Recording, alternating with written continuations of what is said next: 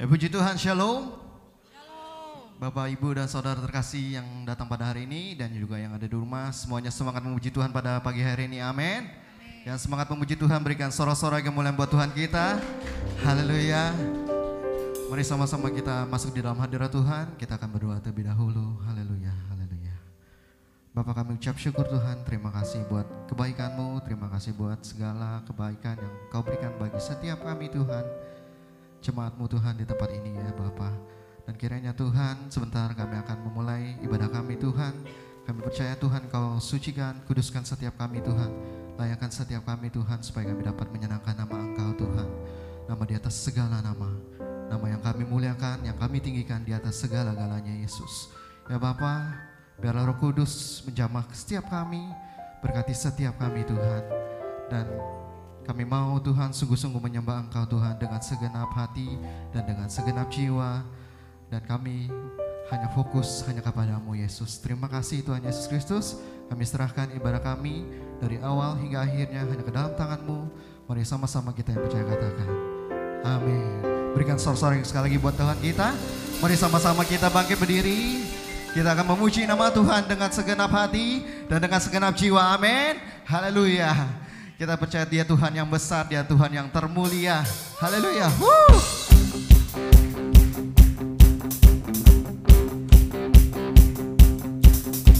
Yang besar Yesus.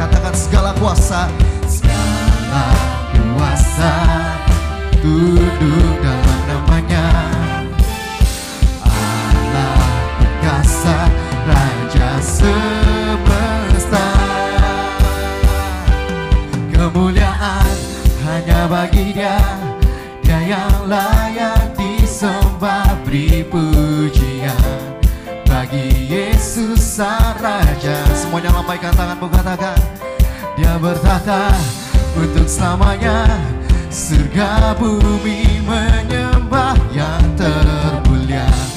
Dia Yesus Allah kita. Yang percaya dia Yesus Allah kita katakan amin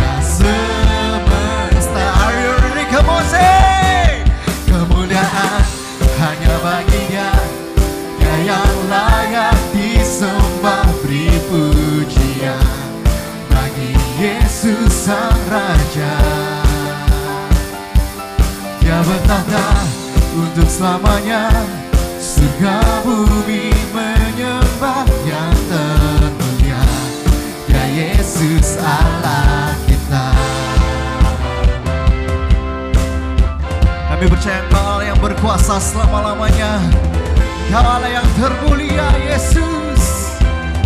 Haleluya. Berkuasa selamanya. Ya Yesus yang termulia.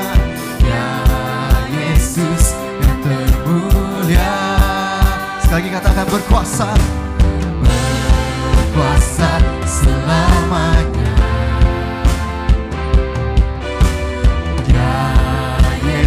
Yang termulia berkuasa berkuasa selamanya. Yesus Tuhan Dia Yesus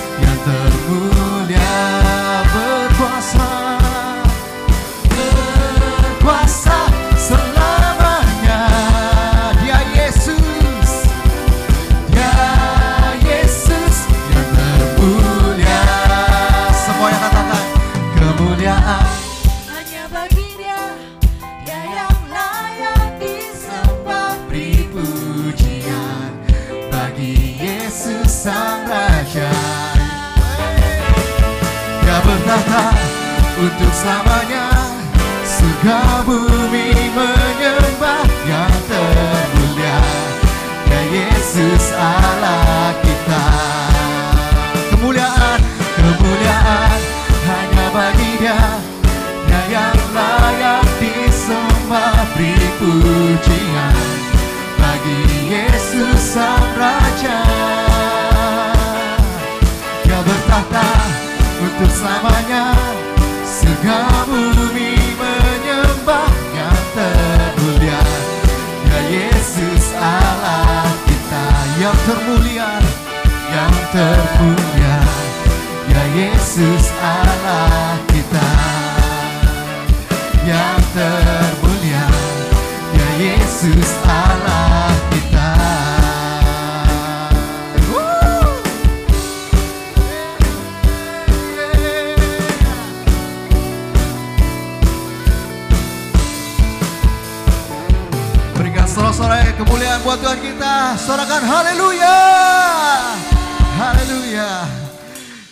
duduk kembali.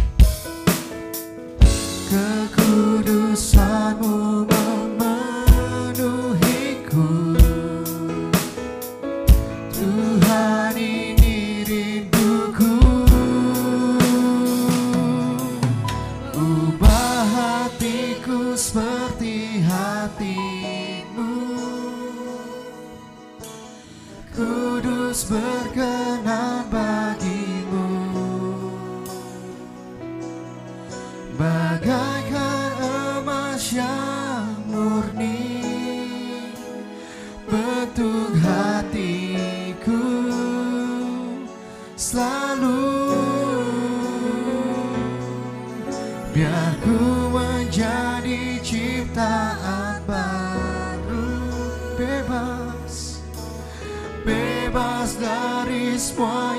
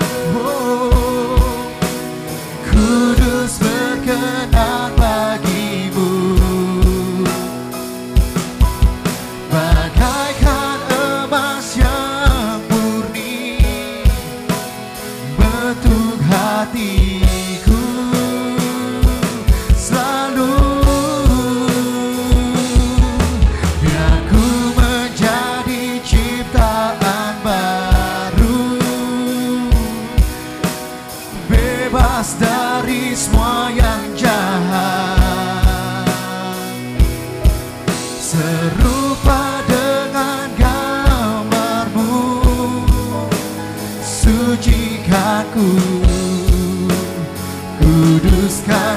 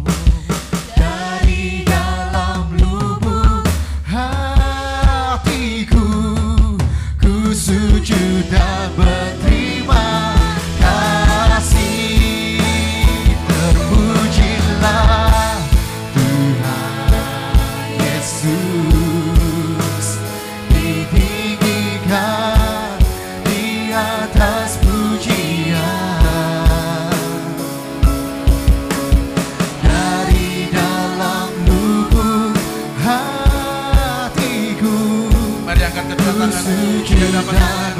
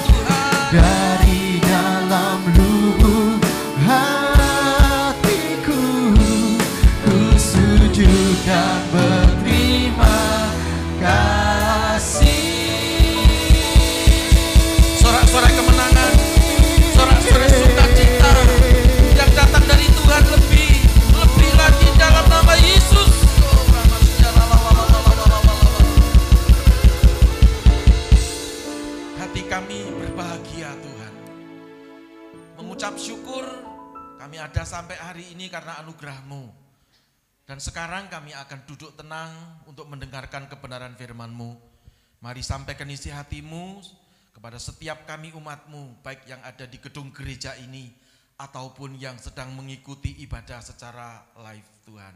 Kami percaya anugerahmu melimpah atas kami. Pengurapanmu kepada hambamu dan urapanmu juga kepada setiap yang mengikuti acara ini. Demi nama Yesus kami berdoa. Haleluya. Sama-sama berkata, amin. Sebelum duduk tepuk tangan yang paling meriah untuk Tuhan. Haleluya. Puji Tuhan. Shalom saudara.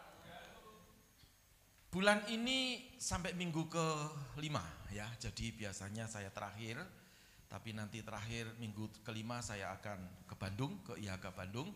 Dan hari ini kita bersama-sama akan melanjutkan dari tema besar kita yaitu transformasi tentang pengetahuan.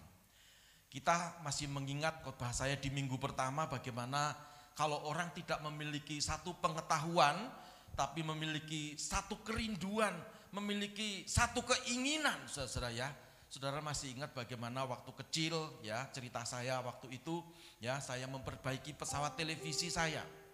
Saya tidak memiliki pengetahuan tentang pertelevisian, tetapi saya punya kerinduan, saya ingin supaya setiap yang nonton televisi saya, televisi tabung ya, yang pakai CRT itu ya, katoda ray to itu ya, saudara ya. Jadi tabungnya itu kalau pas dinyalakan begitu saudara pukul tabungnya pasti meledak gitu ya. Sekarang tidak laku ya. Saya bongkar tetapi saya tidak bisa mengembalikan. Niat saya baik, tetapi yang berujung kepada sesuatu yang buruk sehingga televisi harus dibawa ke tempat servis, saudara ya. Nah puji Tuhan ini satu gambaran ketika kita menjadi orang Kristen, kalau kita tidak memiliki pengetahuan yang benar akan Tuhan, maka kekristenanmu itu hanya menjadi Kristen pokoknya. Yang berujung kepada letih lesu dan berbeban berat. Yang berujung kepada doamu yang begitu amat sangat panjang sekali, yang seharusnya kita segera dijawab ya karena doa yang dijawab itu doa yang menyenangkan hati Tuhan. Amin. Haleluya. Tetapi kita memakai prosedur yang bulat ya bahasa Jawanya. Ya seperti orang-orang Israel pada waktu dia meninggalkan Mesir lalu pergi ke negeri perjanjian seperti apa yang diperintahkan Tuhan melalui Musa, dia muter-muter 40 tahun. Saudara-saudara ya, semestinya hanya mungkin jalan atau lari itu sekitar dua minggu katanya ya. Kalau lari, tapi kalau jalan biasa mungkin sekitar satu bulan. Tetapi kenapa harus muter-muter? Ya, karena Tuhan mau orang-orang Israel memiliki pengertian yang benar akan Tuhan. Amin. Nah hari ini kita akan belajar bersama-sama supaya kita tidak tidak menjadi orang Kristen yang Kristen pokoknya, yang akan berujung kepada letih lesu dan berbeban berat, yang akan berujung kepada kadang-kadang jadi Kristen tetapi kita putus asa di dalam perjalanan iman kita. Dan kita berkata, oh kalau begitu lebih baik aku tidak jadi Kristen. Karena tetanggaku yang tidak Kristen jauh lebih kaya daripada aku. Dia sukanya menipu, ngibul sana, ngibul sini. Tapi hidup ekonominya jauh lebih baik. Kenapa aku yang Kristen, aku yang pergi ke gereja, aku yang menyembah Tuhan, aku yang mengikuti doa puasa atau puasa doa. Ya, hidupku hanya seperti ini, malah banyak persoalan yang aku hadapi. Kenapa? Bukannya Tuhan yang salah, tapi pengertianmu akan Tuhan yang keliru. Karena itu kita harus mentransformasi ya tentang pengertian kita kepada Tuhan supaya kita tidak keliru. Mari kita baca firman Tuhan karena ada satu orang yang keliru di dalam Alkitab ya. Kita tidak boleh mengikuti kekeliruannya. Lukas 15 ayat yang ke-25 sampai yang ke-32 yang di rumah juga bisa melihat pada uh, monitor saudara-saudaranya, ya, mungkin pakai handphone atau mungkin pakai televisi dan seterusnya. Kita baca bersama-sama satu dua tiga. Tetapi anaknya yang sulung berada di ladang dan ketika ia pulang dan dekat ke rumah ia mendengar bunyi seruling dan nyanyian tari-tarian ayat yang ke-26.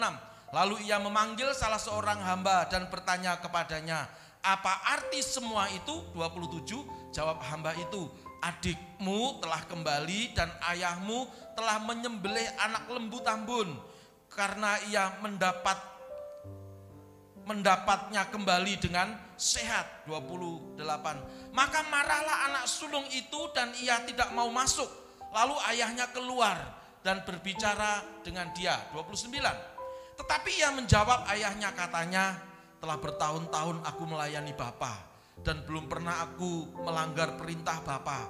Tetapi kepadaku belum pernah Bapak memberikan se seekor anak kambing untuk bersuka cita dengan sahabat-sahabatku. 30. Tetapi baru saja datang anak Bapak yang telah memboroskan harta kekayaan Bapak bersama-sama dengan pelacur-pelacur.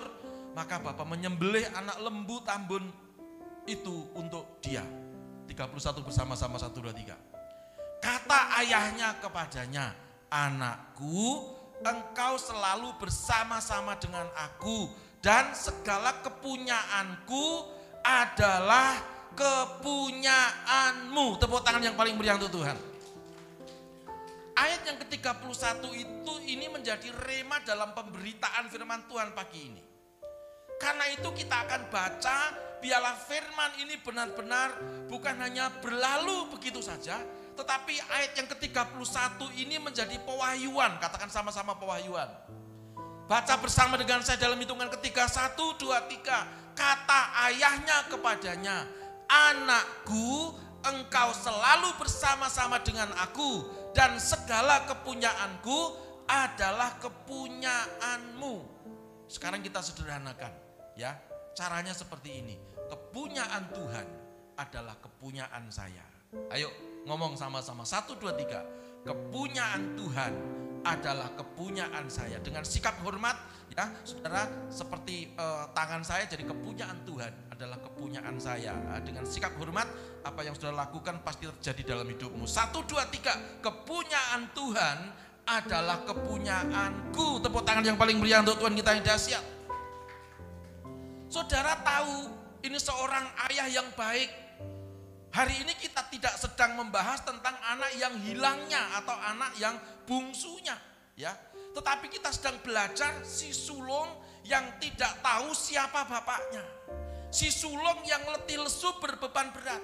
Si sulung yang sudah menyenangkan hati bapaknya menurut versi dia. Bahkan tadi dikatakan, aku tidak pernah melanggar perintah bapak. Oh ini orang yang taat. Ini orang yang nurut sama orang tuanya. Ada banyak, saya sering, sendiri sering juga khotbah. Mungkin hamba-hamba Tuhan juga sering khotbah. Mari kita nurut dengan Tuhan. Mari kita taat dengan Tuhan.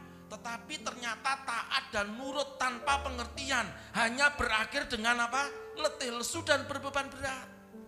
Karena itu gereja ini harus ngerti. ya. Mari kita lengkapi pengetahuan kita, iman kita, pengharapan kita, kasih kita. Di dalamnya itu ada pengetahuan yang benar tentang siapa yang kita sembah. Amin. Iman tanpa pengetahuan hasilnya ngawur. Ya. Pengharapan tanpa pengetahuan sia-sia. Kasih tanpa pengetahuan menjijikkan. Ya.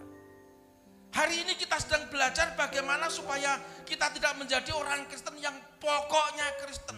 Pokoknya aku melayani, pokoknya habis-habisan. Sehingga yang terjadi kita nuntut Tuhan dan selalu menyalahkan keadaan. Oh karena ini sehingga gereja tidak maju. Karena itu maka imanku mundur. Karena ini maka keluarga kita menjadi seperti ini. Kita tidak pernah berintrospeksi. Sesungguhnya kita sedang keliru di dalam kita memahami siapa Tuhan yang kita sembah. Amin. Katakan sama-sama aku mau belajar. Aku mau memiliki pengetahuan tentang siapa yang aku sembah. Kekristenan itu bu- bukan bicara tentang sesuatu yang simsalabim. Kekristenan itu bicara tentang proses seperti anak kecil, saudara-saudara ya. Saudara punya bayi, lalu kemudian sang bayi ini pasti saudara akan openi, bahasa Jawanya. Saudara akan eh, memelihara dengan kesungguhan hatimu sehingga kalau satu tahun lalu bayinya tidak bisa ngapa-ngapain, gerak pun tidak bisa, saudara akan panik. Ya, Saudara akan bersuka cita ketika anakmu bertumbuh dengan baik. Ya dari bayi lalu menjadi anak atau kanak-kanak. Lalu menjadi dewasa. Ya lalu berkeluarga. Dan saudara bisa melihat anak-anakmu menjadi orang yang sukses. Ini kebanggaan orang tua. Amin. Ya. Tuhan pun juga demikian saudara-saudara. Tuhan mau kita memiliki pengetahuan yang benar. Siapa Tuhan itu? Seorang anak yang baru saja kita baca kelakuannya kepada orang tuanya bahkan berani marah kepada orang tuanya ketika orang tuanya memberikan satu decision, keputusan. Karena anak si bungsu pulang ya bertobat lalu anak si eh, yang yang ini yang barep ya bahasa Jawanya. Saudara, si sulung ini marah ndak mau masuk rumah ini ada apa di rumah ada rame-rame. Dia marah lalu bapaknya keluar di bapak yang baik yang yang sulung minggat diberikan semua harta kekayaannya, bagiannya dia pulang diterima lagi, dipestakan ini bapak yang baik. Ya, karena itu kalau saudara sedang dikecewakan oleh bapak-bapak di dunia, bapakmu secara jasmania, ada bapak secara rohania yang tidak pernah mengecewakan Anda. Namanya Tuhan Yesus Kristus. Beri tepuk tangan yang paling meriah untuk Tuhan kita yang dahsyat. Pada slide berikutnya saya tulis, anak yang sulung ini adalah sebuah gambaran orang Kristen yang tidak memiliki pengetahuan. Orang Kristen yang hanya pokoknya Kristen, tidak mau diproses, pokoknya melayani, pokoknya bekerja, pokoknya hari Minggu ke gereja tanpa pengetahuan. Ya, hasilnya apa?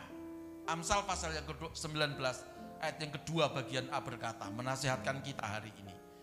Tanpa pengetahuan, baca sama-sama dua tiga. Tanpa pengetahuan, kerajinan pun tidak baik. Ya, rajin tidak pernah mengecewakan orang tuanya. Pergi ke ladang, wah luar biasa. Mungkin sampai banting tulang, peras keringat.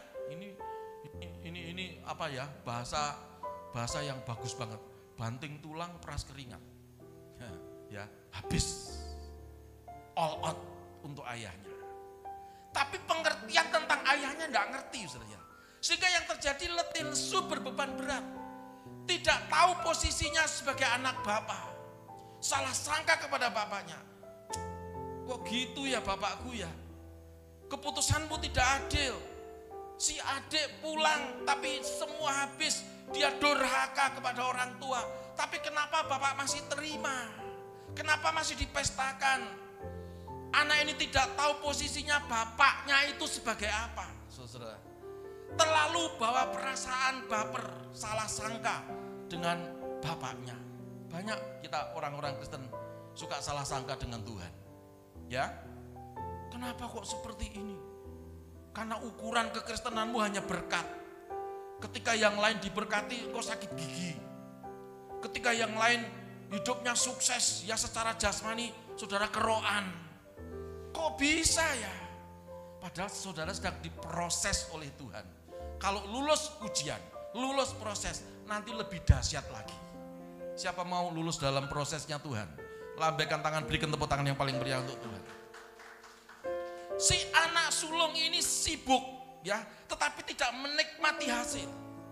Banyak orang Kristen yang sibuk, kantong bolong. Tahu kantong bolong? Ya, berangkat pagi kerja-kerja, berangkat pagi pulang malam tapi hasilnya tidak ada. Begitu dapat gaji, ya besok habis dimakan belalang pelahap. Ya, di, dimakan belalang pengerik, dilalang dimakan belalang pindahan, saudara ya. Banyak seperti itu. Kalau sudah seperti itu, sekali lagi ya, menyalahkan Tuhan. Tidak mau introspeksi, maka hari ini sebagai orang yang percaya mari kita berani introspeksi, berani evaluasi diri kita Jangan suka nuding nyalakan orang lain. Ini terjadi karena kamu, ini terjadi sebabnya kamu, ini terjadi karena si dia. Kita berani harus duduk. Kenapa ya? Bapakku kok memestakan adikku seperti itu ya? Kenapa ya? Saudara-saudara ya. Kalau sudah seperti itu kita mengerti tentang siapa Bapak, ya, maka hidup kita akan bukan hanya selamat masuk surga, tapi di tengah-tengah dunia ini mengalami semua yang Tuhan janjikan. Karena Alkitab tadi berkata, milik Bapak, milik kita. Tepuk tangan yang paling meriah untuk Tuhan kita yang dahsyat. Mungkin yang di rumah sedang mengikuti live streaming dan berkata, Pak itu aku banget. Persoalan satu belum selesai muncul persoalan yang berikutnya. Persoalan kedua belum selesai muncul ketiga keempat. Sepertinya bertubi-tubi persoalan. Padahal saya sudah melayani, aku sebagai majelis. Aku sebagai aktivis di gereja, donatur gereja. Saya mau berkata tidur di gereja sekalipun. Kalau kau tidak memiliki pengertian yang benar, siapa Tuhan yang kamu sembah, hanya akan menghasilkan letih lesu dan berbeban berat tak kasih tahu. Amin. Tuhan adalah Tuhan memang sayang dengan kita. Ya, Tuhan mengasihi kita, ya memang. Tetapi harus ada respon dari kita. Kita tidak seperti gedebok pisang. Saudara tahu gedebok pisang? Saudara mau buang ya dia tidak akan protes. Saudara mau cacah-cacah dia nggak akan protes. Ya. Tetapi kita itu ciptaan Tuhan, biji mata Tuhan, anak kesayangannya Tuhan. Tuhan sudah memberikan kasihnya kepada kita. Tuhan menunggu responnya dari kita kepada Bapak kita. Amin. Apa respon kita kepada Bapak kita? Ya, orang ini ya menjadi tamu di rumah sendiri si sulung ini tidak tahu ya kalau dirinya ini tidak tahu. Ini lucu ya, tidak tahu kalau dirinya tidak tahu. Ini orang yang aneh ya. Orang yang bagus itu dia tahu kalau dirinya tidak tahu. Ya, atau dia tahu kalau dirinya tahu. Ya. Tapi ini orang yang aneh, dia tidak tahu kalau dirinya tidak tahu. Ya, sehingga dia marah sama bapaknya. Padahal bapaknya tuh maunya anak-anaknya itu kembali lagi nakal seperti apa yang penting bertobat. Yang penting pulang ke rumah Bapak. Tuhan akan pulihkan keadaanku. Tuhan akan pulihkan keadaanmu. Tepuk tangan yang paling meriah untuk Tuhan. Jangan berkata pokoknya aku melayani Bapak. Di mana pun aku melayani. Ya layani semua. Saya punya teman melayani habis-habisan. Ya, sampai hari ini habis-habisan. Hidupnya juga habis-habisan. Keluarganya habis-habisan. Kenapa bisa seperti itu? Ya, karena dia tidak mengerti siapa yang dia layani. Dia tidak tahu siapa yang dia sembah. Hari ini saya mau katakan, mari kita memahami, mari kita memiliki pengertian yang benar. Yang kita sembah itu adalah Bapak kita. Kalau dia Bapak, berarti saya dan saudara adalah anak-anak Bapak, milik Bapak, milik kita. Berikan tepuk tanganmu yang paling meriah untuk Tuhan. Haleluya. Mengapa si sulung itu menjadi seperti itu, saudara-saudara? Karena si sulung ini tidak intim dengan bapaknya. Ya, mungkin kalau perlu apa-apa dengan bapaknya itu hanya WA. Itu pun jawabnya sepotong-sepotong. Makan pak, gitu ya. Lalu gitu ya. Itu dulu. Kalau kalau, sekarang, kalau dulu ya enggak ada WA tuh. Tapi ini hanya ilustrasi. Bagaimana ketidakintiman itu menyebabkan salah sangka. Jangankan anak dengan bapak. Suami istri saja kalau tidak intim. Ya, dulu waktu masih pacaran itu mesranya luar biasa. Tapi setelah berumah tangga sekian tahun tidak intim, ya, lalu bahasa isyaratnya tidak ngerti, bahasa kasihnya dilupakan, tidak paham. Kayak saya itu bahasa kasih saya itu bukan kalau ulang tahun dikasih barang. Menurut saya geli, karena itu bukan bahasa kasih saya. Tapi bahasa kasih saya itu kalau saya bangun tidur, itu istri saya harus bikinkan kopi. Dan dia berkata, ini kopimu sayangku. Wow, itu dunia miliknya dia, saya hanya ikut. Ya, bahasa kasih saya itu beda dengan yang lain. Bukan saya harus dikasih uang, enggak. Itu bukan bahasa kasih saya, itu saya. Kalau saudara kan lain-lain. Ya. Begitu bahasa kasih ini tidak dimengerti karena kurang komunikasi. Anak kepada bapak dalam uh, khotbah ini tadi, bacaan yang kita selesaikan tadi. Maka anak ini tidak intim dengan bapaknya salah sangka. Dia tidak ngerti siapa dirinya, tidak tahu siapa bapaknya. Dia jadi tamu di rumah sendiri. Ya. Sehingga letih lesu berbeban berat, banting tulang, peras keringat, berangkat pagi, pulang malam, hasilnya sia-sia. Padahal bapaknya berharap, nak kamu tuh harus tahu, nggak usah bapak ngomong. Karena milik bapak di rumah ini adalah juga milikmu. Jadi kalau kamu mau minum es di kulkas, mau pakai mobilnya papa, pakai aja yang penting ngomong, pak pakai mobil.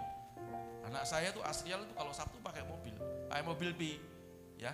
Saya tidak berkata sewa satu jam sekian, enggak, ya.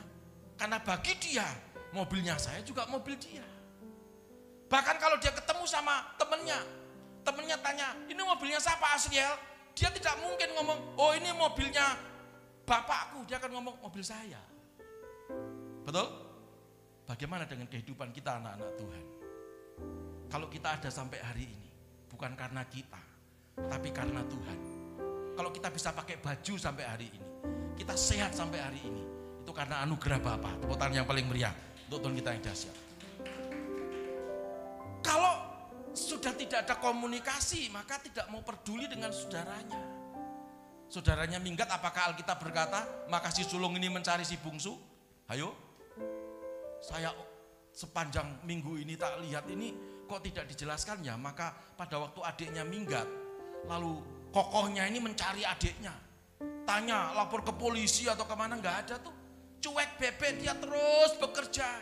Cuek, banyak orang Kristen yang hari-hari ini cuek.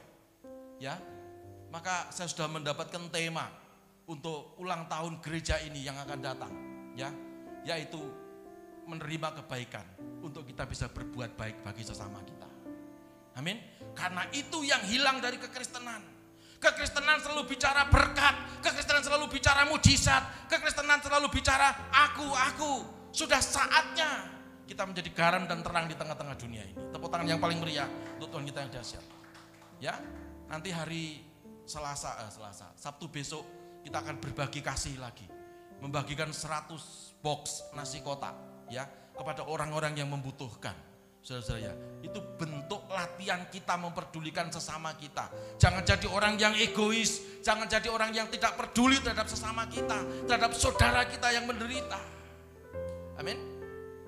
Ya, kalau sudah seperti itu saudara-saudara, maka kita menjadi orang yang nggak ngerti siapa diri kita sendiri. Nah, jadi bagaimana supaya kita memiliki pengetahuan yang benar siapa Bapak yang kita sembah, siapa Yesus yang kita sembah. Yang pertama, kita harus memiliki pengertian bahwa Tuhan itu Bapak kita. Yesus yang kita sembah itu Bapak kita. Matius 6 ayat yang ke-9 baca bersama-sama 1 2 3. Karena itu berdoalah demikian. Bapa kami yang di surga, dikuduskanlah namamu. Hebat kan? Wong Tuhan itu kok disebut Bapak itu kalau bukan orang Kristen mana ada? Ya. Leluhur-leluhur saya orang Jawa, kampung halaman saya di Wonogiri sana dulu itu kalau mau mencari Tuhan yang Maha Esa itu susahnya luar biasa. Tetapi hari ini saya memberikan berita baik kepada kita semuanya. Bahwa ternyata Tuhan itu adalah Bapak kita. Yesus itu Bapak kita. Karena itu kalau kita mengerti akan hal ini, kita nggak takut lagi akan hidup. Di surga itu banyak kekayaannya Bapak. Di surga itu banyak kesehatan. Amin. Jadi yang sakit ginjal, yang sakit jantung, yang sakit stroke sekalipun, yang darah tinggi ataupun darah rendah, dengar di surga sanggup menyembuhkan kita. Yesus dahsyat Bapak kita, memberikan semuanya itu kepada kita. Tapi kalau Anda posisikan Tuhan itu sebagai raja, ya saudara berdoa, ya rajaku. Enggak salah sih, enggak salah. Enggak salah, itu betul. Tuhan itu kan raja di atas segala raja toh, betul ya? Tapi kalau kita datang dan berdoa, ya rajaku. Saudara mana bisa saudara bertemu dengan raja saya enak perut? Pakai prosedur yang harus dilewati. Keperluannya apa ditulis di buku tamu. Ya, lalu nanti malaikat tanya sama Tuhan, Tuhan boleh nggak ini menghadap ini? Mau mau bicara, ditanya keperluannya apa, berapa lama? Dengan siapa dia datang? Lama sekali. Tidak salah kalau kita posisikan Tuhan sebagai raja. Tidak salah juga kalau kita posisikan Tuhan sebagai hakim. Ya hakimku. Cuman akibatnya Anda kan dihakimi setiap hari oleh hukum-hukumnya Tuhan. Minggat dari rumah itu hukumnya apa? Ya sudah minggat atau selama-lamanya. Sudah meninggalkan kasih karunia itu, ya sudah. Ya, Anda mendaftar masuk neraka. Tetapi Bapak itu beda. Makanya ada seminar namanya hati Bapak bukan hati ayah. Apa bedanya Bapak dan ayah? Ya. Bapak itu adalah suatu pribadi yang berani berkorban, itu Bapak. Tetapi ayah itu hanya satu predikat. Ya, saya punya tiga anak. Ya, ditanya siapa ayahmu? Ya dia akan sebut Paulus Eko Dianto. Tetapi Paulus Eko Dianto belum tentu jadi contoh buat anak-anak. Ketika saya tidak mau berkorban, ketika saya tidak mau mendidik dia, ketika saya tidak memberikan pengertian yang benar, saya hanya seorang ayah. Ya. Yesus berani memberikan hidupnya kepada kita. Makanya Yesus tidak salah mengajari doa Bapak kami, bukan doa ayah kami. Ayah kami yang ada di surga, tidak. Tapi Bapak kami yang ada di surga. Amin. Saya mau tanya, siapa Bapakmu? Jawab sama-sama. Dua, tiga. Tuhan Yesus Kristus. Lambaikan tangan, berikan tepuk tangan yang paling meriah. Untuk Tuhan kita yang dahsyat. Ini saja kalau saudara bisa menyingkap rahasia Bapak ya. Ini hidupmu akan dahsyat. Bukan dibawa persoalan, tapi mengatasi persoalan. Amin. Baru satu keping ini saudara. Makanya rahasia firman Tuhan itu dalam. Kekayaan ilahi itu dahsyat luar biasa. Jangan tidak mau baca Alkitab. Kalau cerewet ke mana-mana nomor satu. Tapi pengetahuannya, saudara tahu ada seorang uh, entrepreneur dulu pelatih. Ya saudara tahu maksud saya. Wah itu kalau di televisi itu Anda super. Tahu? Sekarang jadi apa? Sampai saya tuh yang sudah pendeta tuh setiap siaran itu saya lihat, uh, bahasanya bagus. Kata-kata mutiara, mutiaranya pun kalah sama kata-katanya. Begitu dia keliru karena tidak mengerti hati Bapa, tidak fokus kepada Tuhan yang dia sembah. Satu poin melenyapkan seluruh profesinya. Saya sudah perhatikan, ya. Saya tidak menuduh, tetapi ini sebuah kenyataan. Mari, hari ini kita rendah hati di hadapan Tuhan. Ngertilah siapa Tuhan. Nggak perlu kok kita mempoles-poles diri kita tuh dengan hal-hal yang duniawi. Bukannya duniawi tidak penting. Tetapi Tuhan itu tidak melihat ini loh tubuh. Tidak. Ini hanya sebagai sangkar burung. Kalau sangkarnya rusak, burungnya sudah lepas. Apa kita harus berurusan terus dengan tubuh ini? Dimanjakan bangun pagi, kurang 5 menit, kurang 10 menit. Ini itu hanya jadi apa? Ya, kembali kepada tanah yang tidak ada artinya. Tapi roh yang Tuhan berikan dalam hidupmu harus saudara kembalikan pulang ke rumah Bapa, masuk surga dalam nama Yesus. Tepuk tangan yang paling meriah untuk Tuhan. Wong ini aja belum ngerti-ngerti loh. Ya, mau jadi Kristen yang dahsyat. Tinggikan dirimu, mengatasi langit. Eh, ngatasi persoalannya mimble. Ya, itu bukan orang IHK. Itu orang-orang yang sana itu. Katakan sama-sama itu bukan saya. Amin. Tuhan itu Bapakku. Katakan sama-sama satu dua tiga. Yang kedua, haleluya. Bergurulah kepada Bapakmu. Tuhan kita itu baik loh. Dia tuh pinter loh. Wong menciptakan dunia itu hanya dengan sabdanya kok. Coba kita menciptakan mobil gitu. Sekarang kan baru ngetren mobil-mobil elektrik, mobil-mobil listrik. Nggak mungkin nah, insinyur insinyur teknik lalu dia berkata, woi jadilah mobil listrik. Nggak mungkin lalu tiba-tiba jadi. Nggak bisa. Nggak bisa. Ya. Tapi Tuhan menciptakan dunia. Jadilah terang, lalu terang itu jadi. Jadilah gelap, ya, jadilah pagi, jadilah malam, jadilah burung-burung, jadilah segala macam kecuali kepada manusia. Dia mengambil debu tanah lalu jadi ya dan dihembuskan nafas hidupnya. Amin. Tuhan sang kreator yang luar biasa. Bergurulah kepada Bapak kita. Matius 11 29 baca sama-sama 23 pikulah kuk yang kupasang dan belajarlah kepadaku. Ini Tuhan ngomong, ayo belajar nak kepadaku. Aku ini lemah lembut dan rendah hati dan jiwamu akan mendapat apa? Ketenangan. Kemarin malam saya khotbah di salah satu persekutuan yang nanti akan bergabung di eh, Sinode Jemaat Kristen Indonesia. Lalu setelah selesai saya khotbah ada banyak pertanyaan gitu ya. Dan ada satu pertanyaan yang dia berkata seperti ini, Pak kalau eh, apa namanya ciri khasnya titisan ya titisan itu mengetahui sesuatu ya seperti indera keenam itu ya itu datang dari Tuhan atau datang dari setan itu gimana? Ya, karena waktu saya terbatas saya hanya ngomong lihat ada damai sejahtera atau tidak. Kalau hatimu damai sejahtera itu berarti berasal dari Tuhan. Kalau setiap setelah kamu melihat sesuatu mendengar suara sesuatu yang orang lain tidak dengar, lalu kamu gemuruh dalam jiwamu, engkau tertekan, itu berarti datang dari setan. Ya. Saudara perhatikan. Tuhan kalau kita datang kepada Tuhan kita berguru kepada Bapak kita itu ya. Di samping kita mengerti siapa Tuhan di samping kita memiliki pengertian-pengertian yang benar pengetahuan-pengetahuan yang benar akan Tuhan maka hati kita itu akan mendapatkan ketenangan. Siapa mau tenang? Ya. Bukan istirahatlah dengan tenang. Mati itu. Bukan. Waktu hidup pun kita tenang orang yang tenang itu pasti bisa berpikir jernih. Tapi kalau orang yang nggak tenang handphone ketinggalan buka keran kamar mandi lupa belum di apa dimatikan padahal itu apartemen. Ya banjir ke mana-mana. Ya karena hatinya nggak tenang tapi kalau kita tenang teduh hadapi persoalan. Bukan dengan uh, hati yang bersungut-sungut tetapi dengan ketenangan yang datang daripada Tuhan. Kita mampu mengatasi segala persoalan. Beri tepuk tangan yang paling meriah untuk Tuhan. Ya apa yang kita perlu belajar dari ketenangannya Tuhan? Ya dari dari Tuhan. Yaitu kasih kepeduliannya kepada sesamanya. Pengorbanannya Tuhan. Kuasanya Tuhan. Pengampunannya ini yang sukar.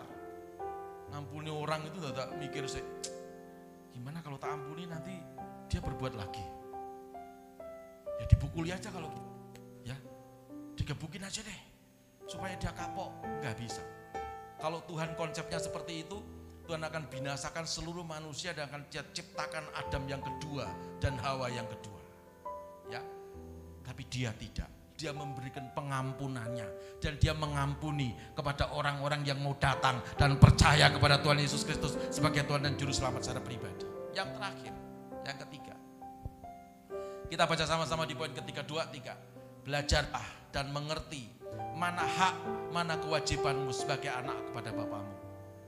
Lukas 15, 29 berkata, tetapi ia menjawab ayahnya katanya, telah bertahun-tahun aku melayani Bapa dan belum pernah aku melanggar perintah Bapa. Tetapi kepadaku belum pernah Bapa memberikan seekor anak kambing untuk bersuka cita dengan sahabat-sahabatku 30 bersama-sama dua tiga. Tetapi baru saja datang anak Bapa yang telah memboroskan harta kekayaan Bapa bersama-sama dengan pelacur-pelacur maka Bapak menyembelih anak lembu tambun itu untuk dia. Ini nggak ngerti hak dan kewajibannya sebagai anak. Tugasnya orang tua itu sebetulnya mendewasakan anak secara jasmani dan rohani. Ini anak sudah bisa pergi ke ladang. Ini anak sudah bisa membantu dan taat kepada orang tuanya. Berarti ini anak sudah dewasa.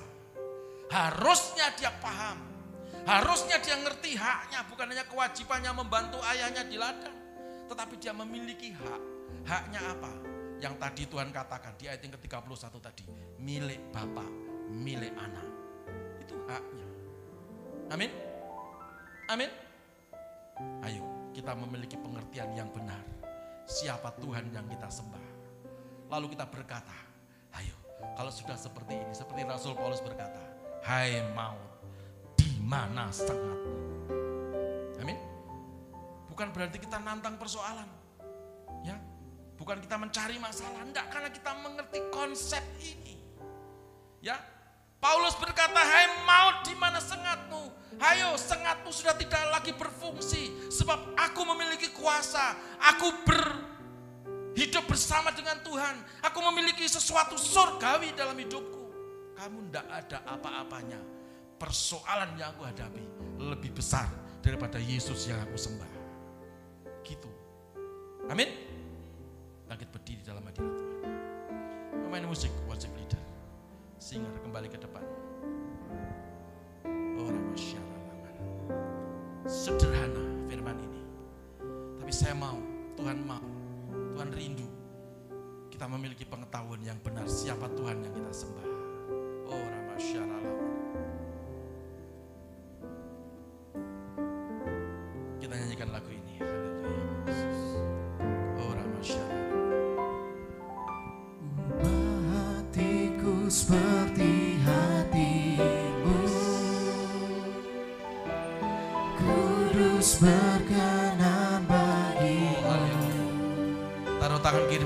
Angkat tangan kananmu ke atas.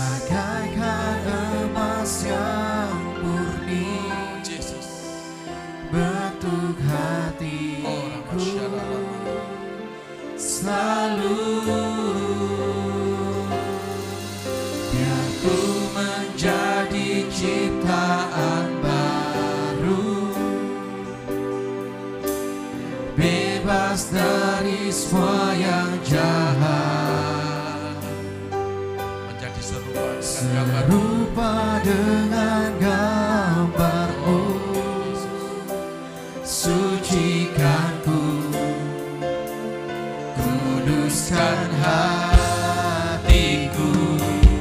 Tuhan. Sekali lagi katakan ubah hatiku. Ubah hatiku seperti hatimu Ubah pengertianku Tuhan supaya aku mengerti siapa Tuhan yang sembah. Supaya aku tahu bahwa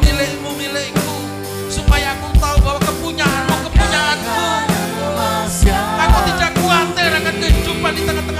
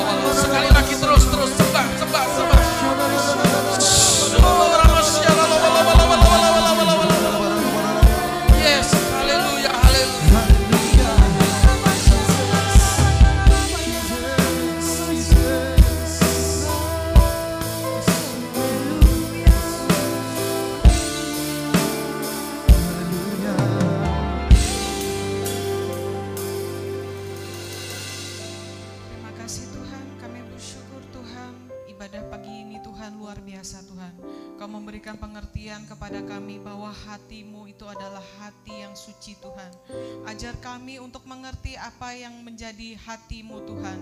Biar tidak ada amarah, tidak ada kebencian, tidak ada salah paham di dalam hidup kami tentang Engkau Tuhan. Berikanlah berkatmu Tuhan kepada kami, untuk kami yang mendengarkan firman-Mu ini Tuhan biar kami diberikan kemampuan untuk menikmati apa yang menjadi kepunyaanmu Tuhan. Terima kasih Bapak, terima kasih kau berkati pendeta yang sudah me- menyampaikan firmanmu Bapak Pendeta Paulus Eko Dianto Tuhan. Kau juga memberkati gereja kami IHK Tuhan. Baik yang ada di Taman Palem, baik yang ada di IHK Kota, Bogor dan juga yang di Bandung. Berkati Tuhan para gembala pelaksana dan kau memberkati jemaatnya Tuhan. Kami bersyukur Tuhan, kami bersyukur bahwa saat ini kami boleh ada saat ini dengan kesehatan, dengan berkat yang daripada Engkau. Dalam segala badai kami tetap bersama dengan Engkau Tuhan. Engkau memegang tangan kami dan keluarga kami. Masing-masing kami Engkau berikan jalan keluar atas masalah kami. Terima kasih Yesus, terima kasih. Saatnya kami akan mengatakan kata-kata iman. Tiga, dua, satu. Saya percaya saya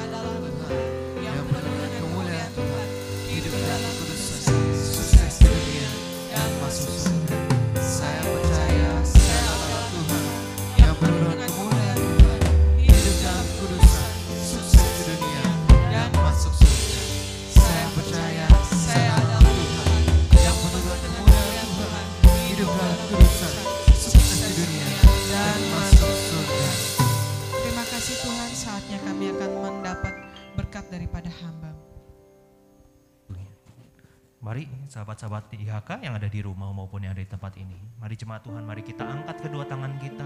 Mari tengadahkan wajahmu. Mari kita terima yang terbaik daripada Tuhan Yesus Kristus. Haleluya, haleluya. Tuhan memberkati engkau dan melindungi engkau. Tuhan menyinari engkau dengan wajahnya, memberikan kepadamu kasih karunia-Nya. Tuhan menghadapkan wajahnya kepadamu, memberikan kepadamu damai sejahtera. Kekasih-kekasih Tuhan, engkau adalah biji mata Tuhan. Mari pulang bawa berkat yang melimpah-limpah dari Allah Bapa, Putra dan Roh Kudus. Berkat di dalam nama Tuhan Yesus Kristus yang menjadikan engkau kepala dan bukan ekor. Engkau ditetapkan Tuhan untuk terus naik dan tidak akan pernah turun. Apa saja yang engkau kerjakan dengan kedua tanganmu. Tuhan Yesus buat engkau berhasil dan beruntung. Terima semua yang terbaik, anugerah yang sempurna, diturunkan dari Bapa segala terang, yaitu Tuhan Yesus Kristus, mulai hari ini sampai dengan selama-lamanya. Di dalam nama Tuhan Yesus Kristus, semua yang sudah diberkati Tuhan, bersama dengan saya kita berkata, Amin. Yesus memberkati. Jangan lupa buat yang ada di rumah maupun di tempat ini, ada nomor rekening yang ada di layar monitor Anda, ada QR code. Silahkan bagi yang mau mengembalikan perpuluhan ataupun memberikan persembahan, bisa men-scan. Terima kasih, Tuhan Yesus memberkati. Selamat hari Minggu. Salam IHK. God bless.